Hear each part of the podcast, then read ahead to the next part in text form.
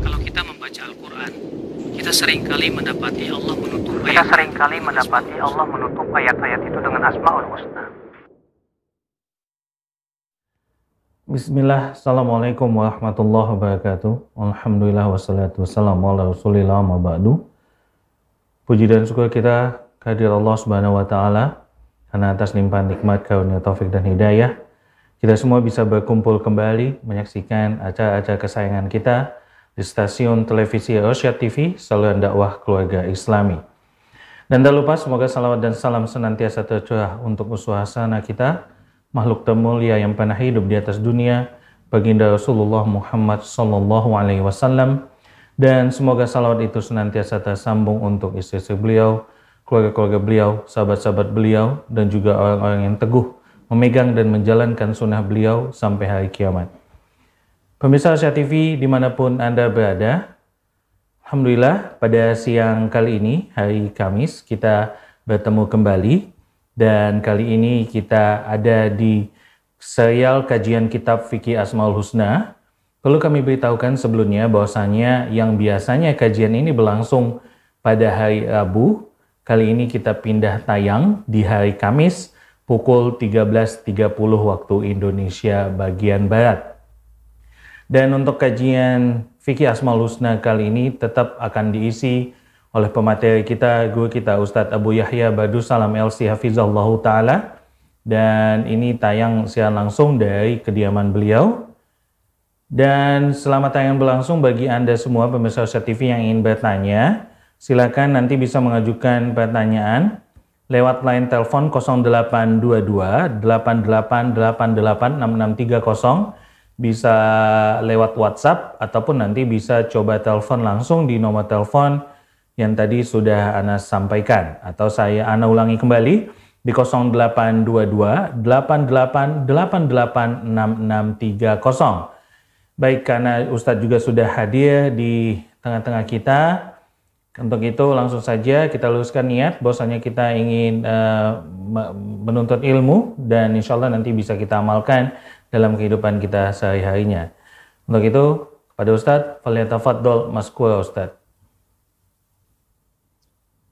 Assalamualaikum warahmatullahi wabarakatuh. إن الحمد لله نحمده ونستعينه ونستغفره ونعوذ بالله من شرور أنفسنا ومن سيئات أعمالنا من يهده الله فلا مضل له ومن يضلل فلا هادي له وأشهد أن لا إله إلا الله وحده لا شريك له وأشهد أن محمدا عبده ورسوله قال الله تعالى في كتابه الكريم يا أيها الذين آمنوا اتقوا الله حق تقاته ولا تموتن إلا وأنتم مسلمون Amma ba'd, ayol ikhwah, kita melanjutkan kajian kita Fikih Al-Asma Al-Husna yang ditulis oleh Dr. Profesor Dr. Abdul Razak bin Abdul Muhsin Al-Badr. Masih kita berbicara tentang keutamaan berilmu tentang nama dan sifat Allah Subhanahu wa taala. Beliau berkata, di antara keutamaan dan keistimewaan mengenal nama dan sifat Allah Subhanahu wa taala an hadzal ilma asyraful ulumi wa afdaluha wa a'laha makanatan wa arfa'uha manzilatan. Bahwasanya ilmu ini adalah merupakan ilmu yang paling mulia paling utama paling tinggi kedudukannya. Kenapa demikian? Kata beliau, wa syaraful ilmi min syarafi ma'lumihi, karena keutamaan ilmu itu ditentukan oleh objek yang dipelajari. Sebagaimana pernah kita sebutkan itu. Semakin mulia objek yang dipelajari, semakin mulia pula ilmu tersebut. Sementara mempelajari nama dan sifat Allah, objeknya adalah Allah Subhanahu wa taala. Maka adakah yang lebih mulia dari Allah Subhanahu wa taala tidak ada. Karena tidak ada yang lebih mulia dari Allah. Berarti ilmu tentang nama dan sifat Allah adalah ilmu yang paling mulia secara mutlak. Wala ashraf wala afdal min al-ilmi billahi wa asma'ihi wa sifatihi al-waridati fi kitabihi al-azizi wa sunnati rasulihi al-karim sallallahu alaihi wasallam.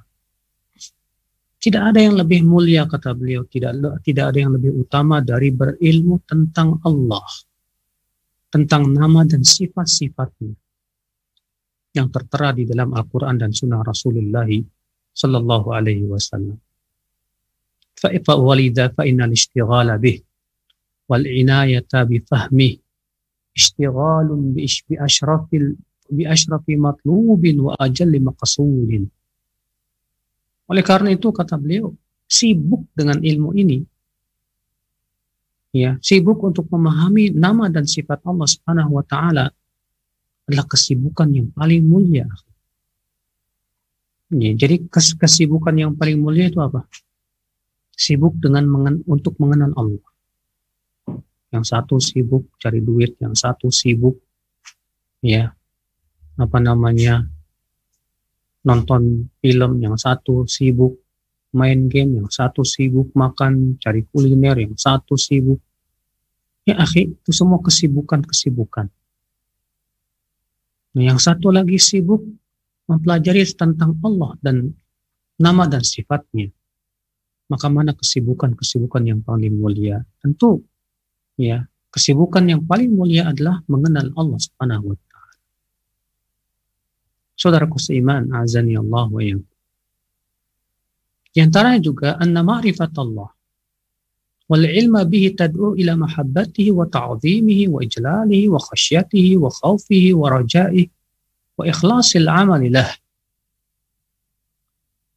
Bahwa mengenal Allah, berilmu tentang nama dan sifat Allah, itu menjadikan pelakunya mencintai Allah, mengagungkan Allah, takut kepada Allah, berharap kepada Allah, mengikhlaskan amal hanya karena Allah Subhanahu wa taala. Ya. Karena seseorang ya akhi semakin kenal kepada sesuatu dia akan semakin ya menyukainya. Ya, kita saja kalau mengenal sesuatu itu luar biasa, istimewa, kita akan suka. Ketika kita mengenal Allah, bagaimana sifatnya yang sangat sempurna, nama-namanya yang sangat mulia sekali, maka pasti akan menimbulkan berbagai macam ya ibadah yang luar biasa sekali. Kita akan mencintai Allah karena kita tahu ternyata Allah Subhanahu wa taala rahmatnya meliputi segala sesuatu.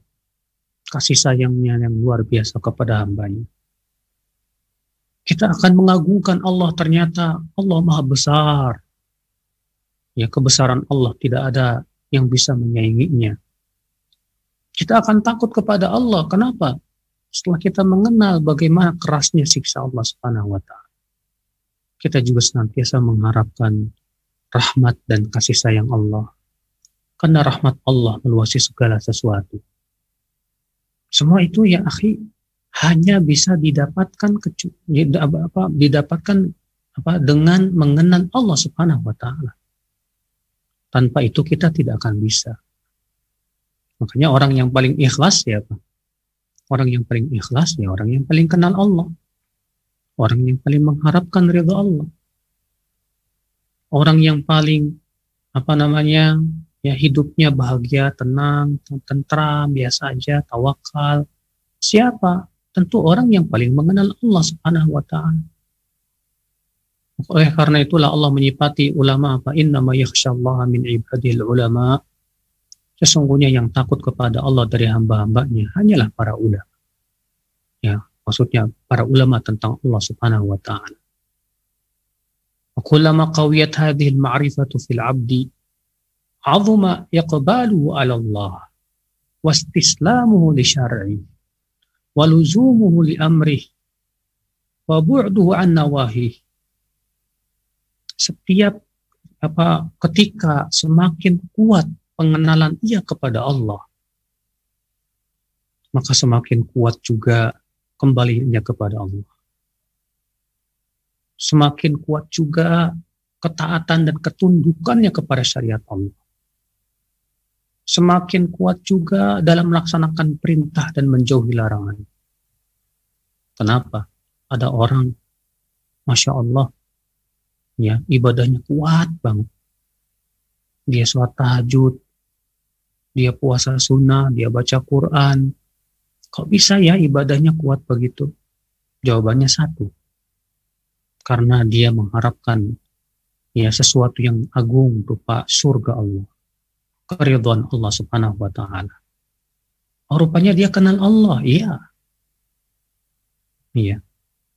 Ada orang ketika sendirian gak berani berbuat maksiat. Walaupun orang gak ada yang lihat, tapi dia takut. Kok bisa ya? Karena dia kenal Allah subhanahu wa ta'ala. Karena dia yakin bahwa Allah subhanahu wa ta'ala mengawasi dirinya, saudara. Dan melihatnya. Allahu Akbar. Oleh karena itu ya akhi, ya, orang yang paling mengenal Allah, orang yang kuat pengenalannya kepada Allah, biasanya akan menimbulkan kekuatan yang dahsyat dalam hidupnya. Ya.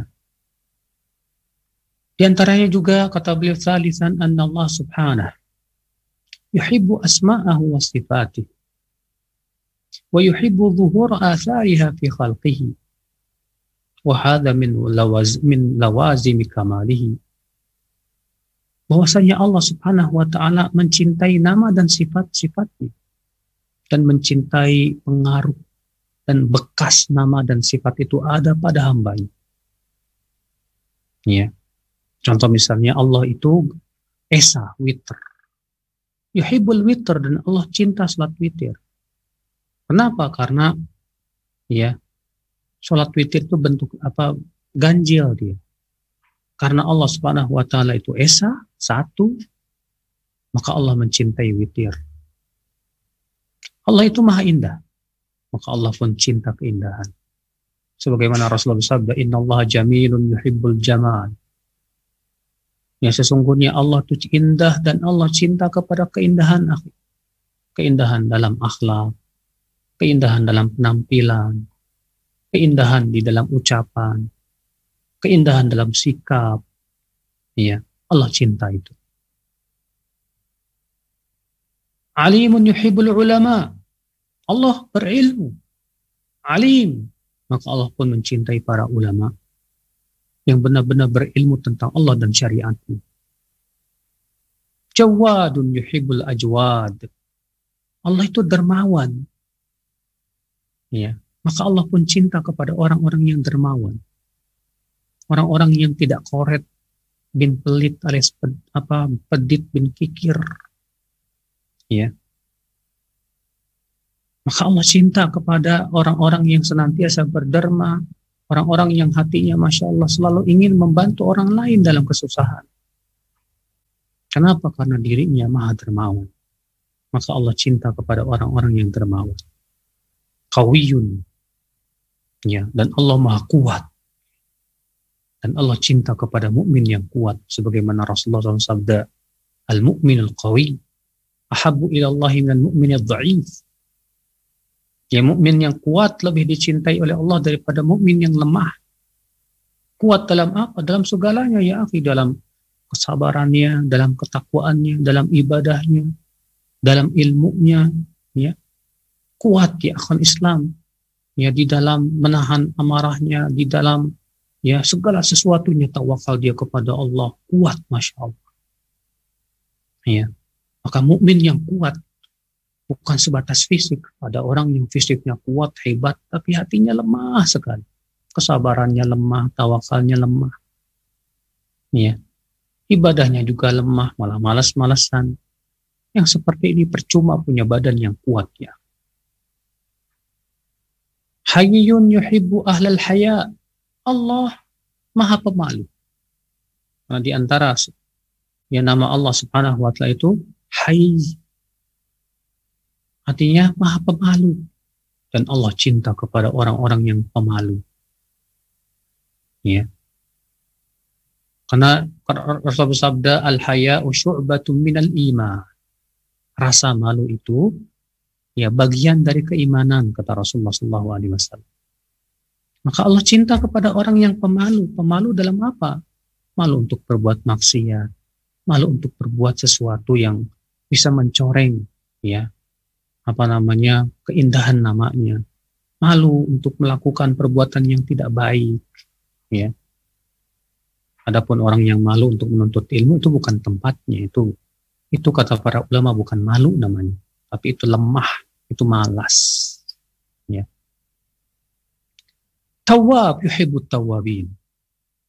Di antara nama Allah Tawab, sifat Allah yaitu pemberi taubat.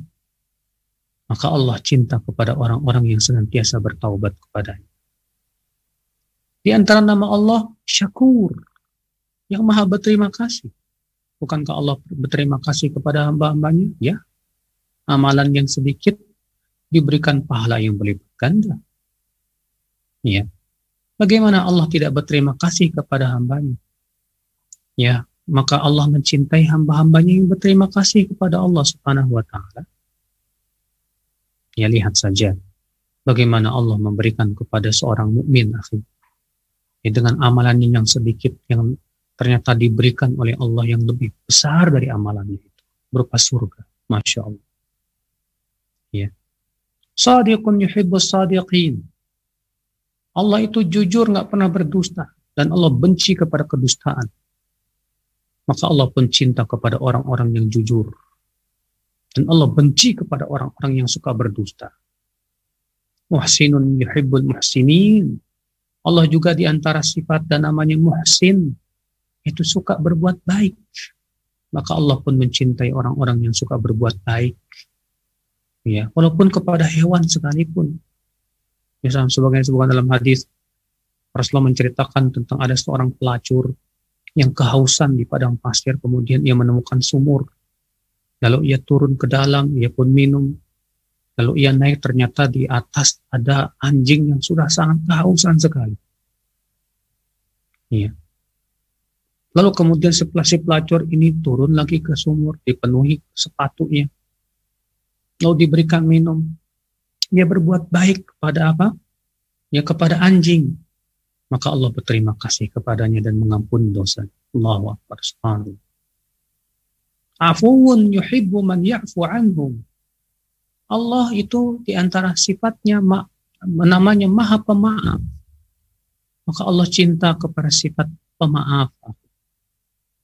Ya, kita maafkan orang-orang yang berbuat salah kepada kita, maka Allah pun cinta. Ya. Allah berfirman, "Falyafu wal yasfahu." Ala tuhibbuna an yaghfirallahu lahum? Hendaklah mereka memaafkan. Tidakkah kalian suka jika Allah memaafkan mereka? Allah cinta ya kepada orang yang jiwanya pemaaf, masya Allah. Ya. Barrun yuhibbul birra wa ahlu. Allah itu bar. Di antara nama Allah al-bar. Yaitu yang banyak kebaikan. Maka Allah pun cinta kepada orang-orang yang banyak berbuat baik dan beramal saleh. Adlun yuhibul adla. Di antara sifat Allah, Allah itu maha adil. Dan Allah cinta kepada orang yang berbuat keadilan, saudaraku. Allah benci kepada orang-orang yang berbuat zalim. Walaupun dia seorang muslim, tapi kalau dia zalim, Allah tidak suka. Ya. Wa yujazi ibadahu bihasbi wujudihi sifat wujudan wa adaman. Maka Allah pun memberikan balasan kepada hambanya sesuai dengan keberadaan sifat tersebut. Ya. Semakin banyak sifat tersebut dia miliki ya, semakin Allah cinta kepada dia. Ya. Rabian kemudian yang keempat di antara keistimewaan mempelajari nama dan sifat Allah. Annallaha khalaqal khalqa wa awjadahum minal adam. Ma fis samawati wa ma fil ardi liya'rifuhu wa ya'buduhu. Bahwa Allah menciptakan seluruh makhluk. Allah menjadikan makhluk itu tadinya tidak ada jadi ada. Dan Allah menundukkan apa yang ada di langit dan di bumi untuk manusia. Agar apa?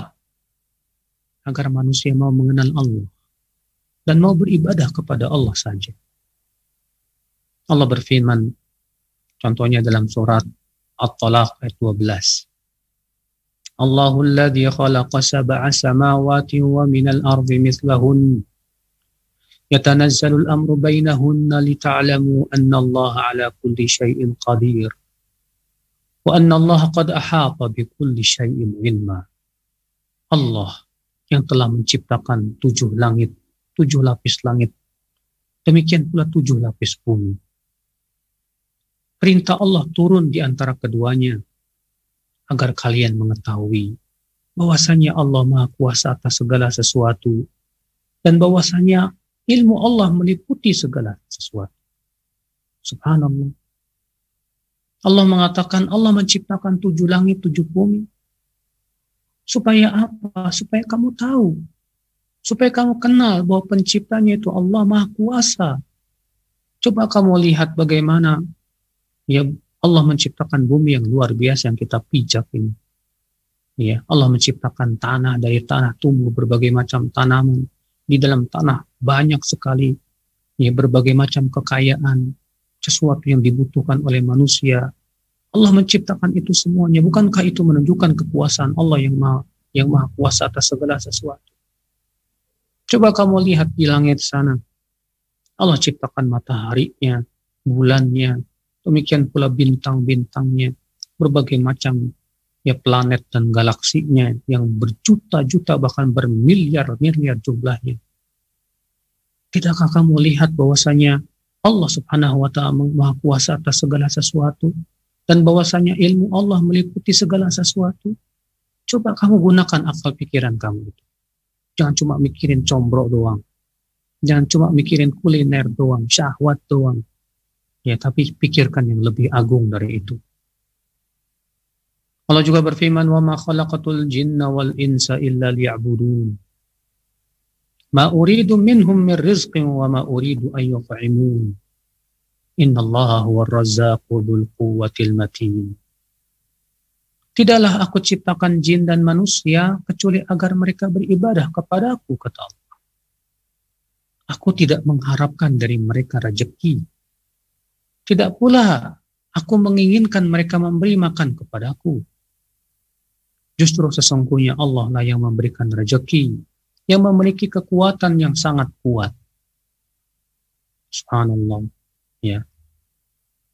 Di ini lihat dalam ayat ini Allah mengajak kita berpikir, kamu ada di dunia, tercipta di dunia untuk apa sih? Kita berada di dunia untuk apa? Hanya buat makan, buat minum, buat tidur, buat syahwat. Lah. Ya. Itu semuanya rendah. Tapi Allah menyebutkan kita ada di dunia. Allah menciptakan kita, jin dan manusia di dunia ini untuk sesuatu yang sangat mulia. Itu untuk beribadah kepada Allah saja. Kenapa Allah menyuruh kita beribadah? Apakah Allah mengharapkan kita memberi rezeki kepada Allah? Apakah Allah mengharapkan kita memberi makan kepada Allah? Allah nggak butuh itu semua. Allah tidak membutuhkan rezeki dari kita. Allah pun juga tidak membutuhkan makanan. Bahwa justru kita yang butuh rezeki, kita yang butuh makanan. Makanya aneh kan orang-orang yang mempersembahkan makanan kepada Tuhan-Tuhannya dengan sesajen-sesajen. Dikira Tuhannya butuh makan kali. Ya, betapa naifnya kalau Tuhan mereka butuh makan. Sementara Allah tidak butuh makan, tidak, tidak butuh rezeki. Justru Allah yang memberikan rezeki dan memberikan makan. Ya. Maka sesungguhnya itu semua akhi. Ya, tiada lain adalah untuk kita mengenalnya. Fashtighalul abdi bima'rifati asma'illahi wa sifatih Ishtighalun bima khuliqa lahul abdu wa tarku wa tad'ihu wa tadhi'uhu ihmalun. Maka seorang hamba yang betul berusaha untuk mengenal Allah, mengenal sifatnya, sungguh ia sebetulnya sibuk ya kepada tujuan penciptaan. Sementara orang yang tidak mau mengenal itu dia lupa kepada tujuan ya hidupnya dia di dunia untuk apa. Wa yanbaghi li'abdin fadlullahi alaihi azim wa ni'amuhu alaihi wa mutawaliyatun an yakuna jahilan bi rabbih mu'ridan an ma'rifatihi subhanah. Tidak layak bagi seorang hamba. Nggak layak. Nggak layak apa? Ya. Kita bodoh terhadap Allah. Nggak layak. Sementara Rezeki Allah turun terus kita kepada kita. Nikmat Allah terus aja datang kepada kita setiap waktu. Coba ya. Setiap kita waktu kita butuh oksigen, siapa yang menyediakan oksigen kalau bukan Dia Allah Subhanahu wa taala. Setiap waktu kita butuh makanan, setiap hari kita butuh makanan, minuman, siapa yang menyediakannya kalau bukan Allah? Siapa yang menciptakan tanaman-tanaman? Siapa yang mengeluarkan air itu? Ya, kalau bukan Allah Subhanahu wa taala. Ya. Sementara nikmat Allah terus ya kita nikmati. Kita bernikmat-nikmatan dengan nikmat Allah. Udah gitu aneh, kita nggak mau kenal siapa yang memberi nikmat kita. Kita nggak mau peduli kepada Allah Rabbul Izzati wa Jalalah, bodoh amat. Ya. Yang penting saya senang, perut saya kenyang, saya mau kenal sama Allah, enggak bodoh amat. Subhanallah, sungguh hamba ini sangat hina sekali. Tidak mau berterima kasih kepada kepada Allah pencipta. Ya. Orang yang enggak terima kasih kepada manusia aja tercela. Gimana ia enggak mau terima kasih kepada penciptanya? Gimana semua nikmat itu darinya? Khamisan, yang kelima, di antara keistimewaan mengenal nama dan sifat Allah Subhanahu wa taala arkanil iman as-sittah bal afdaluha wa ajalluha wa asluha al-imanu billah bahwa rukun iman yang pertama dan ini yang paling utama, yang paling agung, yang paling pokok apa itu? Yaitu iman kepada Allah. Walaisal imanu mujar walaisal imanu mujarrad qaulil abdi amantu billah min ghairi ma'rifatihi bi rabbih dan yang namanya iman kepada Allah itu akhi. Bukan sebatas ucapan saja. Saya beriman sama Allah udah. Setelah itu dia nggak mau kenal kepada Allah siapa. Ya. Kamu iman kepada Allah? Ya, saya beriman kepada Allah. Kamu kenal nggak sama Allah? Ya, dia pencipta langit dan bumi. Udah segitu saja. Nggak cukup ya. Itu tidak akan menimbulkan cinta kepada Allah. Nggak cukup. Kenali Allah dengan sebenar-benarnya, dengan sedalam-dalamnya. Kenali Allah. Bal haqiqatul iman. An ya'rifa rabbahu alladhi yu'minu bih. Wa yabzulu juhdahu fi ma'rifati asma'i wa sifatih. Hatta yablugha darajatal yaqin. Justru kata beliau, hakikat iman itu adalah dia mengenal penciptanya. Iya. Dia mengeluarkan seluruh kemampuan dia untuk mengenal nama-nama dan sifat Allah Subhanahu wa taala supaya dia sampai kepada derajat keyakinan yang luar biasa kepada Allah. Keyakinan inilah akhir yang kita butuhkan. Sebab ketika keyakinan itu telah menghunjam di dada, itulah yang meringankan segala macam musibah-musibah dunia yang menimpa hidup kita. Ketika keyakinan kepada Allah menghunjam di dada akhir. Itulah yang membuat hati kita akan bahagia dan tentram di dunia. Dan demikian pula apalagi di akhirat nanti.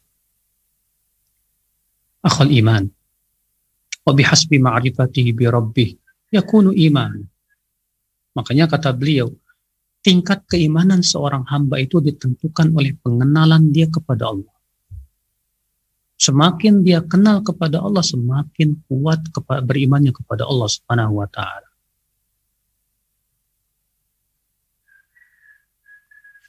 Faman arafa Allah ya. Siapa yang mengenal Allah Subhanahu wa taala, arafa ma siwah, dia akan kenal kepada selain Allah. Wa man jahila bih, fa huwa lima siwahu ajhal dan siapa yang bodoh terhadap Allah, maka dia akan lebih bodoh lagi kepada selainnya. Allah Ta'ala berfirman dalam surat Al-Hashr ayat 19.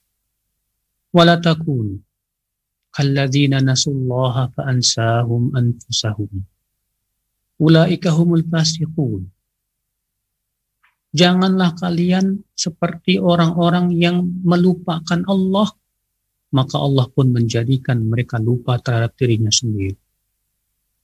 Dan mereka adalah orang-orang yang fasik. Perhatikan saudaraku, dalam ayat surat Al-Hasr ayat 19 ini. Bahwa orang yang lupa kepada Allah akan lupa kepada dirinya sendiri. Dia lupa bahwa dirinya makhluk. Kalau orang sudah lupa kepada dirinya sendiri, dia akan lupa kepada kemaslahatan dirinya Maka ia berbuat maksiat seenaknya. Dan dia tidak sadar bahwa maksiat itu membinasakannya. Tapi orang yang ingat kepada Allah, dia akan memperbaiki diri. Makanya seseorang bisa dan mau memperbaiki diri saat dia ingat kepada Allah Jalla wa'ala. Faman nasiyallah ansahu ذاته ونفسه ومصالحه وأسباب فلاحه في معاشه ومعاده maka Allah orang yang lupa kepada Allah orang yang tidak mau mengenal Allah Allah akan jadikan dia lupa kepada maslahat dirinya sendiri ya Allah akan jadikan dia tidak mau ya, tidak peduli kepada sesuatu yang menjadi sebab keberuntungan ia di dunia dan akhirat ya Allah makanya lihat orang-orang yang suka berbuat maksiat itu, apakah mereka mau mengenal Allah? Tidak. Lihat oleh kamu orang-orang yang suka berzina itu, apakah mereka mencintai Allah? Tidak. Apakah mereka takut kepada Allah boro-boro? Lihat oleh kamu itu orang-orang yang senantiasa makan riba, orang-orang yang senantiasa melakukan berbagai macam kemaksiatan kepada Allah Subhanahu wa taala. Ya.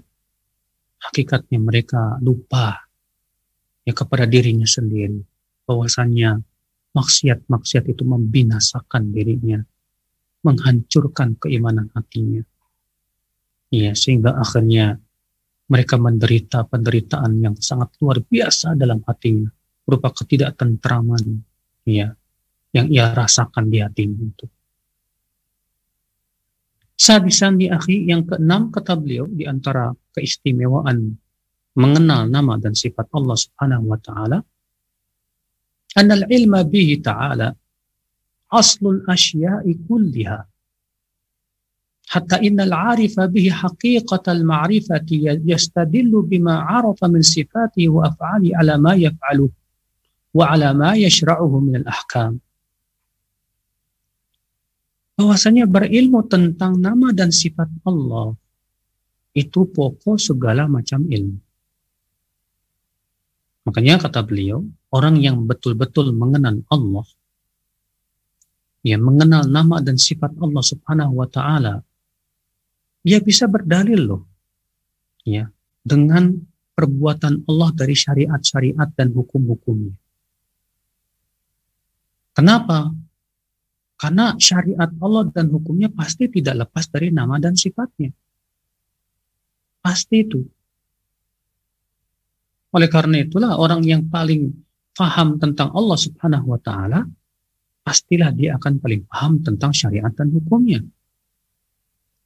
Lianna subhanahu la yaf'alu illa ma huwa muqtada asma'ihi wa sifatih wa af'al fa af'aluhu da'iratun bainal adli wal fadl wal hikmah Ya karena Allah tidak mungkin melakukan suatu perbuatan pun kecuali sesuai dengan nama dan sifat-sifat Allah.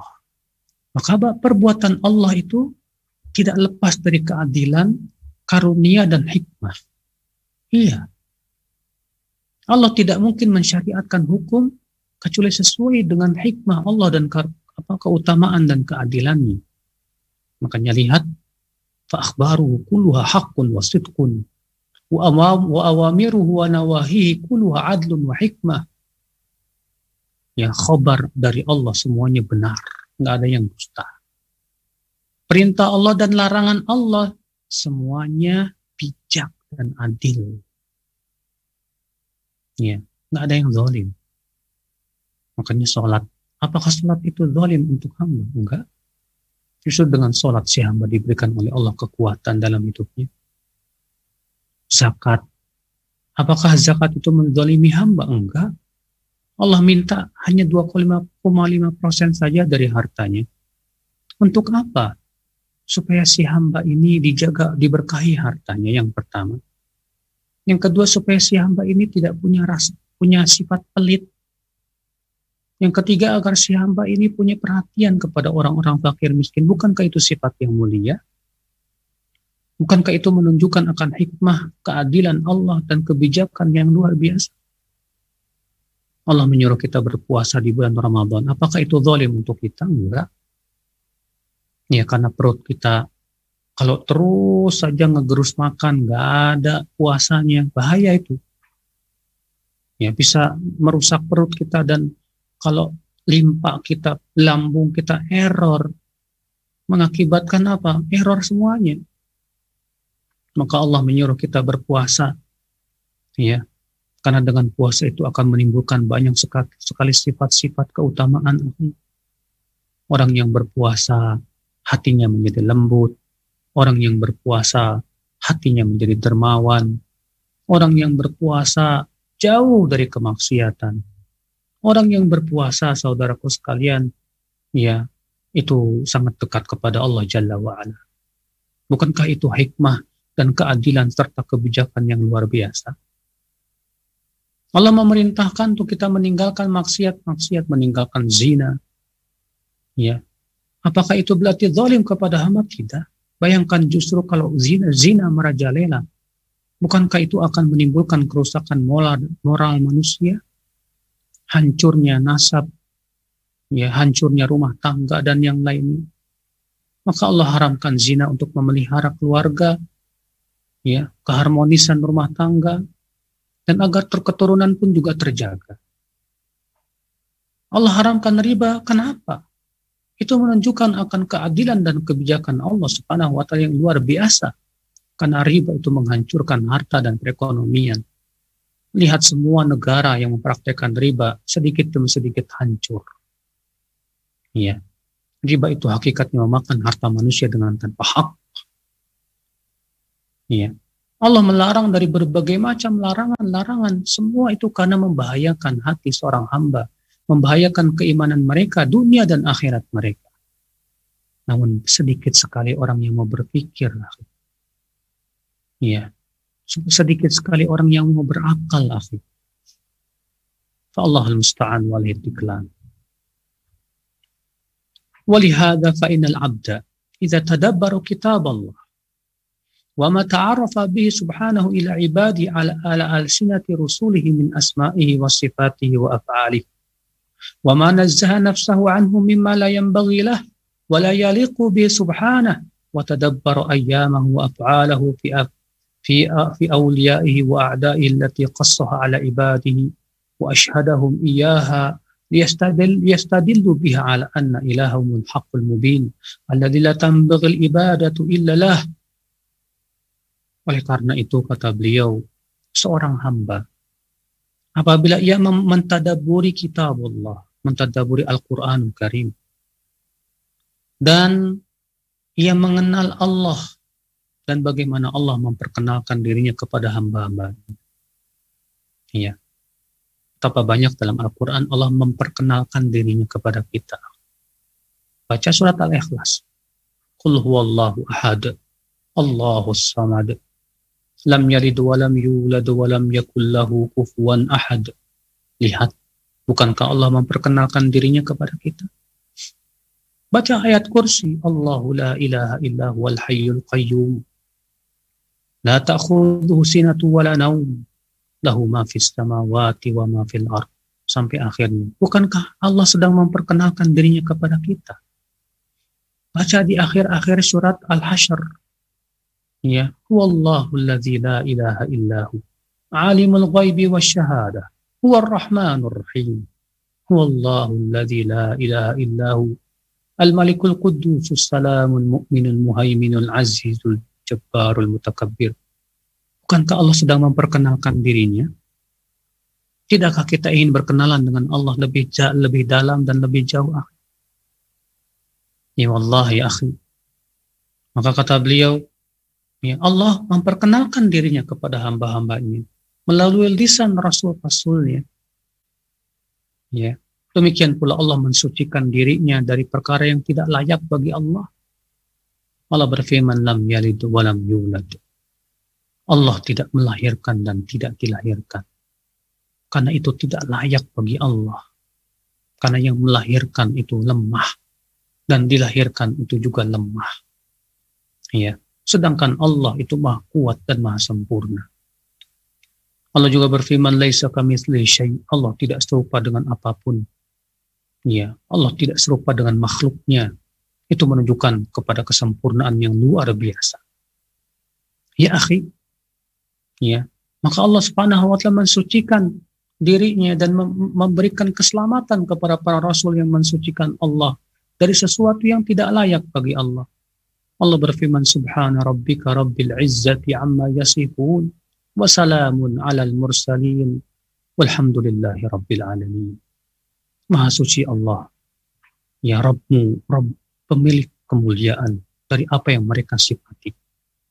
Dan keselamatan untuk para rasul dan segala puji bagi Allah Rabbul Alamin. Subhanallah ya akhi. Ya, Allah mensucikan dirinya dari sesuatu yang tidak layak untuk dirinya. Dan coba kamu tadaburi dan pikirkan bagaimana perbuatan Allah kepada wali-walinya dan kepada musuh-musuh Allah Subhanahu wa taala yang Allah kisahkan dalam Al-Qur'an. Bagaimana Allah membela Nabi Musa, bagaimana Allah membela Nabi Nuh, bagaimana Allah membela Nabi Ibrahim yang berdakwah kepada Allah mengajak manusia untuk mengenal Allah Subhanahu wa taala dan bagaimana ya perbuatan Allah kepada hamba-hambanya yang tidak mau beriman yang zalim itu. Ya. Bagaimana Allah mengirimkan angin yang kencang kepada kaum Ad yang sombong itu. Bagaimana Allah menghancurkan kaum Samud dengan suara yang memekakan telinga. Bagaimana Allah menghancurkan Fir'aun dan keangkuhannya dengan air laut yang membuat ia tenggelam dan mati. Bukankah itu menunjukkan saudaraku? Ya, bahwasanya Allah Subhanahu wa taala itu Maha Adil dan Allah Maha Bijaksana. Allah tidak tidak zalim sama sekali. Akal iman dari itulah ya akhi, wallahi kalau kita benar-benar kenal Allah dengan sebenar-benar kenal, kita akan menjadi hamba yang paling ridho, ya, paling bahagia di dunia ini. Akhul Islam. Kemudian Syekh Abdul Razak rahimah hafizahullah berkata, Sabian yang ketujuh di antara keutamaan mengenal nama dan sifat Allah Subhanahu wa taala. Anna ma'rifat Allah wa ma'rifat asma'ihi wa sifatihi tijarah rabihah bahwa mengenal Allah, mengenal nama dan sifat Allah itu adalah perniagaan yang sangat menguntungkan. Siapa di antara kita yang mau berniaga, gak pernah ada ruginya. Ya kalau kita di dunia berniaga, berdagang, bisa jadi kena rugi. Iya. Ini perniagaan yang tidak pernah ada ruginya. Apa keuntungan mengenal Allah Subhanahu wa taala banyak sekali. Wa min arbahiha sukunun nafsi wa tuma'ninatul qalbi wa sadri. Di antara keuntungan perniagaan kita dengan Allah ketika kita mempelajari nama dan sifat Allah itu yaitu ketenangan jiwa, ketentraman hati, kelapangan dada. Oh, masya Allah. Akhi, hati kita kalau tenang, jiwa kita tentram tuh, wah, nikmat banget tuh. Beda dengan orang yang banyak pikiran sana sini, mikirin hutang, stres. Ya. Mikirin ini, mikirin itu, mikirin, waduh pusing. Tapi ketika hatinya tenang, hatinya tentram, Masya Allah. Adakah kenikmatan yang lebih dari itu? Akhi? Lapang, hati kita lapang itu, Masya Allah, kenikmatan yang luar biasa. Bukankah Allah berfirman kepada Rasulullah, Alam nashrah, laka. Bukankah kami telah melapangkan dadamu? Sampai-sampai Allah mengingatkan kenikmatan yang paling agung yang Allah berikan kepada Rasulullah SAW, yaitu insyirahus sadar. Dada yang lapang. Karena orang kalau dadanya lapang itu, Masya Allah dia akan menjadi orang yang paling sabar, yang paling pemaaf, yang paling dermawan. Beda dengan orang yang dadanya sempit, ya. Mau maafin tak susah, mau berinfak pelit, ya, nggak ada kesabarannya. Kenapa? Karena dadanya sempit. Ya. Tapi dengan dia mengenal Allah, dadanya menjadi lapang dan lebar. Masya Allah. Ya, karena dia kenal Allah, bahwasanya Allah ya kepada hamba-hambanya sayang dan memberikan balasan yang luar biasa. Keuntungan yang paling untung apa wasuk al firdaus yaumal qiyamah yaitu surga firdaus pada hari kiamat. Adakah keuntungan yang lebih besar dari itu akhir? Ya. Allah berikan kepada kita surga firdaus. Mana yang lebih enak? Kamu ya, keuntungan dagangnya cuma bisa beli pulau di pulau itu wah bagus pulaunya ya kamu bisa bernikmat-nikmatan di pulau di dunia itu ataukah kita mendapatkan surga Allah yang luasnya seluas langit dan bumi dan kenikmatannya tidak bisa dibandingkan dengan kenikmatan dunia? Allah ya akhi. Itu keuntungan yang luar biasa. Wan nadhar ila wajhil karim. Yang lebih besar lagi dari surga apa? Bisa melihat wajah Allah. Ya. Dan mendapatkan keriduan Allah. Ya sebagaimana Allah mengatakan waridwanullahi akbar dan keriduan Allah itu lebih besar dari segala-galanya. Ya keriduan Allah lebih besar dari surga. Naam. Ya. Ketika Allah ridho kepada hambanya, hambanya bisa melihat wajah Allah yang sangat indah luar biasa. Subhanallah ya akhi.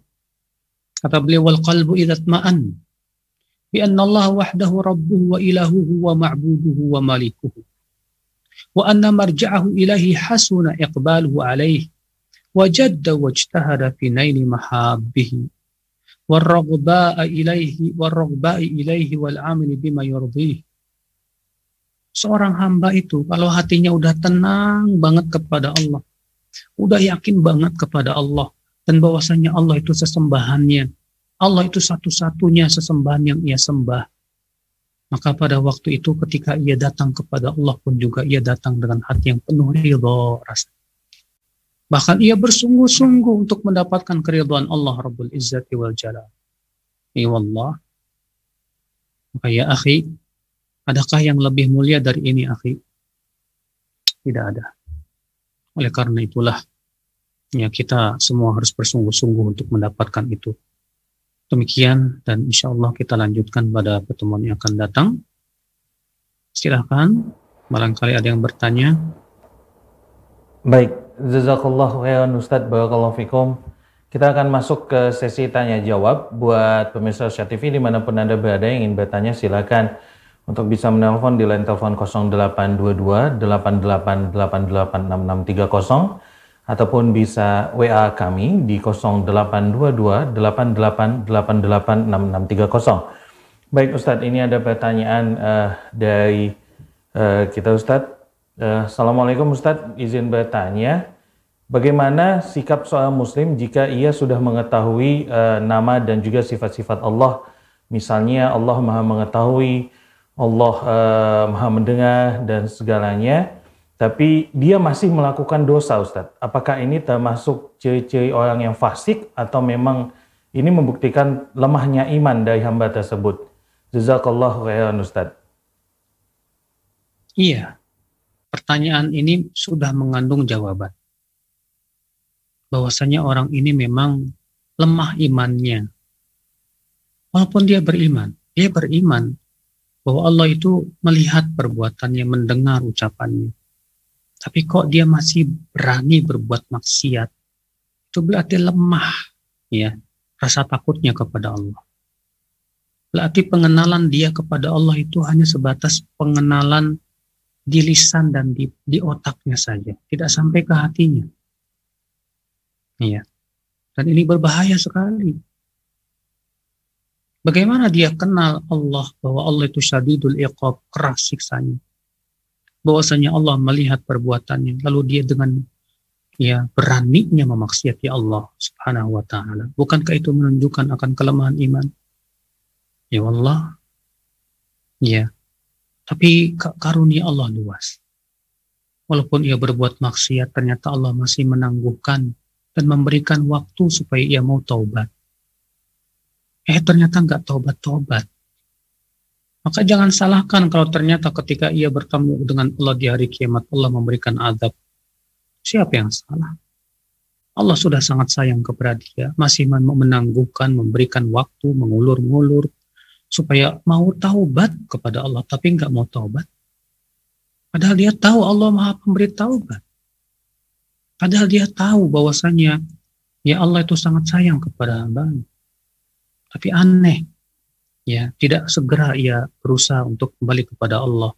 Ini menunjukkan bahwa memang hatinya itu fasik, ya hatinya itu memang apa namanya dipenuhi syahwat, ya. Memang orang kalau hatinya dipenuhi syahwat dan hawa nafsu, ilmu itu nggak ada manfaatnya musuhnya ilmu itu apa? Hawa nafsu. Kalau hati dikuasai hawa nafsu, ilmu seabrek-abrek pun nggak ada manfaatnya. Makanya siapa yang ingin ilmunya bermanfaat, bersihkan hatinya dari hawa nafsu. Lawan. Ya, Allah musta'an. Nah. Jazakallah khairan barakallahu fikum Ustaz. Dan ini ada penanya berikutnya, ada di line telepon kita, kita coba sapa dulu. Assalamualaikum. Oke, okay, uh, eh, kita masuk pertanyaan lewat uh, WhatsApp terlebih dahulu. Ini oke, okay, sudah tersambung kembali. Baik, kita coba sekali lagi. Assalamualaikum. Halo, assalamualaikum. Waalaikumsalam. Alhamdulillah hanya tersambung. Alhamdulillah. Dengan ibu siapa? Di mana? Dengan ibu Siti di dengan Ibu Siti di Riau. Iya, Ibu Siti boleh volume TV-nya dimatikan terlebih dahulu Bu, biar tidak delay suaranya, tidak tertunda. Oh iya. Iya. Oke. Okay. Ah, sudah. Sudah, oke. Okay. Silakan langsung bertanya kepada Ustadz Ibu. Oke Ustadz, saya sudah tiga kali ikut tes PNS gagal terus. Ustadz. Jadi terakhir saya kan ikut tes PNS saya sholat tahajud, sholat duha, meningkatkan gimana takwa saya. Lalu ternyata gagal lagi Ustaz. Kekecewaan saya itu kuat gitu Ustaz. Kenapa doa saya tidak terkabulkan? Kalau saya lihat di di Facebook kawan-kawan saya yang lulus, tapi saya kecil gitu Ustaz. Kenapa Allah memilih mereka? Padahal perjuangan saya besar. Ustaz. Saya ingin membahagiakan kedua orang tua saya. Itu selalu gagal. Sekarang saya kalau mau salat kayak kayak ada malas gitu. Ustaz. Saya takut Allah marah sama saya Ustaz. Baik, itu saja Ibu. Iya, itu saja. Mohon Baik. nasihatnya Ustaz. Baik, jazakillah khairan barakallahu fikum. Ya Ustaz, uh, Ustadz dengar jelas tadi Ustadz?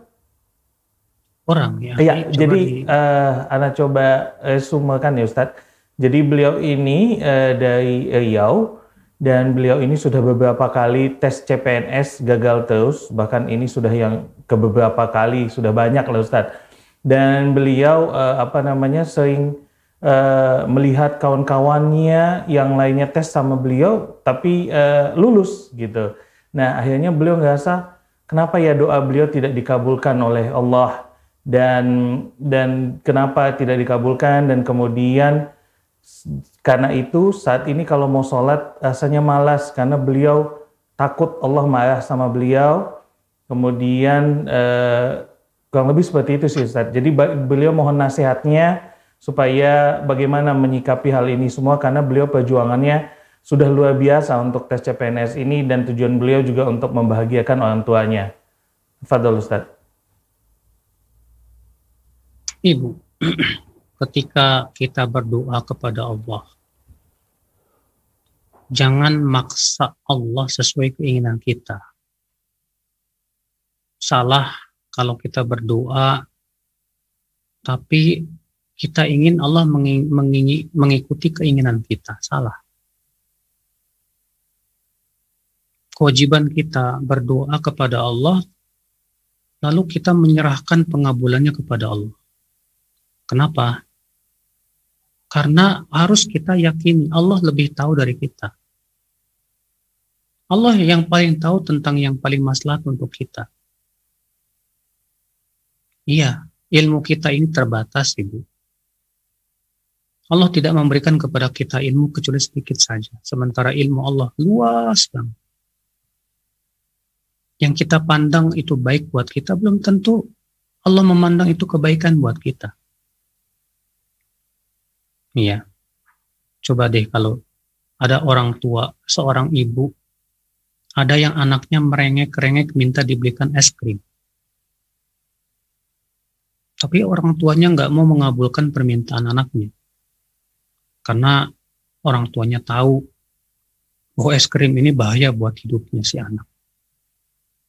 Iya. Karena dokter juga sudah mewanti-wanti, Bu, ini anak Ibu jangan dikasih es krim nanti bisa berbahaya buat penyakitnya. Misalnya begitu. Ketika si anak ini merengek, minta kepada ibu, si anak ini menganggap bahwa es krim itu sesuatu yang manfaat buat hidupnya. Kenapa? Karena si anak nggak tahu, ilmunya kurang. Maka si ibu tetap tidak mau mengabulkan permintaan si anak, nggak mau. Walaupun si anak merengek gimana, nangis gimana, bodoh amat. Itu antara ibu dengan anak loh di mana ibu itu sangat sayang kepada anaknya. Karena saking sayangnya dia nggak mau belikan es krim karena tahu itu kan bisa membahayakan si anak tersebut. Allah lebih sayang kepada hambanya ibu. Terkadang kita minta, kita memandang yang kita minta itu manfaat dan maslahat buat kita. Tapi Allah dengan ilmu dan hikmahnya tahu bahwa itu tidak kurang baik buat kita. Maka kita terus merengek, minta, minta, minta, ternyata Allah tidak kabulkan tapi karena dengan ilmu Allah yang sangat luas. Allah tahu bahwa itu sangat tidak baik buat kita. Iya. Bukankah Ustadz dalam hadis disebutkan bahwa doa seorang muslim pasti dikabulkan? Betul. Kata Rasulullah Allah pasti kabulkan dengan tiga.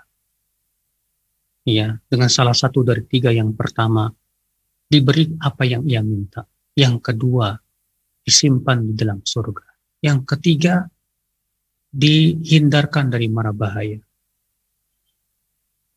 Namun tentu Ibu, ya, ketika kita berdoa, pertama kita serahkan semuanya kepada Allah. Ya Allah, jika memang itu yang terbaik untukku ya Allah, mudahkan. Kalau ternyata itu tidak baik ya Allah untukku, maka palingkan. Coba deh ibu salat isyakhara sama. Jangan kita merasa seakan-akan kita ini lebih berilmu dari Allah. Sehingga lalu kita menghakimi Allah. Kok Allah nggak mau mengabulkan doa doa saya? Ya, Allah ibu kalau kita seperti itu, pantas aja membuat ibu akhirnya malas sholat. Kenapa? Karena ibu pertama sudah merasa lebih tahu dari Allah. Yang kedua, ya ibu maksa-maksa Allah mengingin, apa, mengikuti keinginan ibu. Dan yang ketiga ibu, ya ibu sudah suudon kepada Allah Subhanahu Wa Taala, yang mengakibatkan akhirnya suudon ibu kepada Allah membuat ibu malas sholat, yang itu bisa membinasakan ibu sendiri. Allah berfirman, وَذَارِكُمْ ظَنُّكُمُ الَّذِي ظَنَنْتُمْ بِرَبِّكُمْ أَرْدَاكُمْ فَأَصْبَحْتُمْ مِنَ الْخَاسِرِينَ. Itulah persangkaan kalian kepada Rob kalian yang membuat kalian binasa. Maka kalian pun menjadi orang-orang yang merugi. Rasulullah SAW sabda, "Yustajabu ahadikum malam yastajil." Doa seseorang pasti dikabulkan oleh Allah selama tidak tergesa-gesa minta diijabah. Makanya, Bu, ya sikap yang benar ketika berdoa gimana? Ketika kita berdoa, serahkan kepada Allah ya pengabulannya kepada Allah. Kita berdoa saja sudah dapat pahala besar, Alhamdulillah. Masalah ijabah, serahkan Allah yang paling tahu. Kapan waktunya yang paling tepat, Allah yang maha tahu. Apakah yang kita minta itu ternyata sesuatu yang dicintai oleh Allah? Allah yang maha tahu. Kalau ternyata kita minta belum dikasih oleh Allah. Bisa jadi permintaan kita tidak tidak baik buat kita, maka Allah simpan di surga saja. Atau Allah hindarkan kita dari mara bahaya. Sebagaimana Rasulullah mengabarkan begitu dalam hadis yang sudah saya sampaikan, tadi. Cuma masalahnya itu ya, kita berdoa, kita pengen secepatnya doa kita dikabulkan. Kita berdoa, kita pengen supaya Allah ya harus mengikuti keinginan dia. Kita tidak menyerahkan ilmunya kepada Allah Jalla wa'ala. Nah itu Bu, ya. Jadi Ibu, Ibu ya harus sadar bahwa kita hidup di dunia sementara. Ibu menjadi menjadi PNS itu tidak akan menjamin masuk surga kok. Ibu ya harus sadar bahwa masuk surga itu bukan syaratnya PNS, bukan. Ya, kita semua pengen masuk surga. Oke, oke Ustadz saya ingin membantu kedua orang tua saya. Ya bagus, Masya Allah niat itu bagus. Ya, tapi sekali lagi serahkan semuanya kepada Allah. Minta yang terbaik untuk kepada Allah. Ya, membantu orang tua kan nggak harus jadi PNS. Ya kalau ternyata Allah belum kabulkan kepada ibu untuk menjadi PNS, masih ada jalan lain insya Allah untuk bisa membantu orang tua. Ya, Allah Maha tahu kebaik kelurusan hati ibu, kebaikan hati ibu untuk berbakti kepada orang tua. Tapi Allah juga Maha tahu tentang apa yang terbaik untuk ibu, untuk kemaslahatan akhirat ibu. Ya demikian. Allah Baik Ustaz, jazakallah khairan barakallahu fikum Ustaz. Dan karena waktu kita juga sudah habis, mungkin Ustadz ada mau penutup? Baik ya.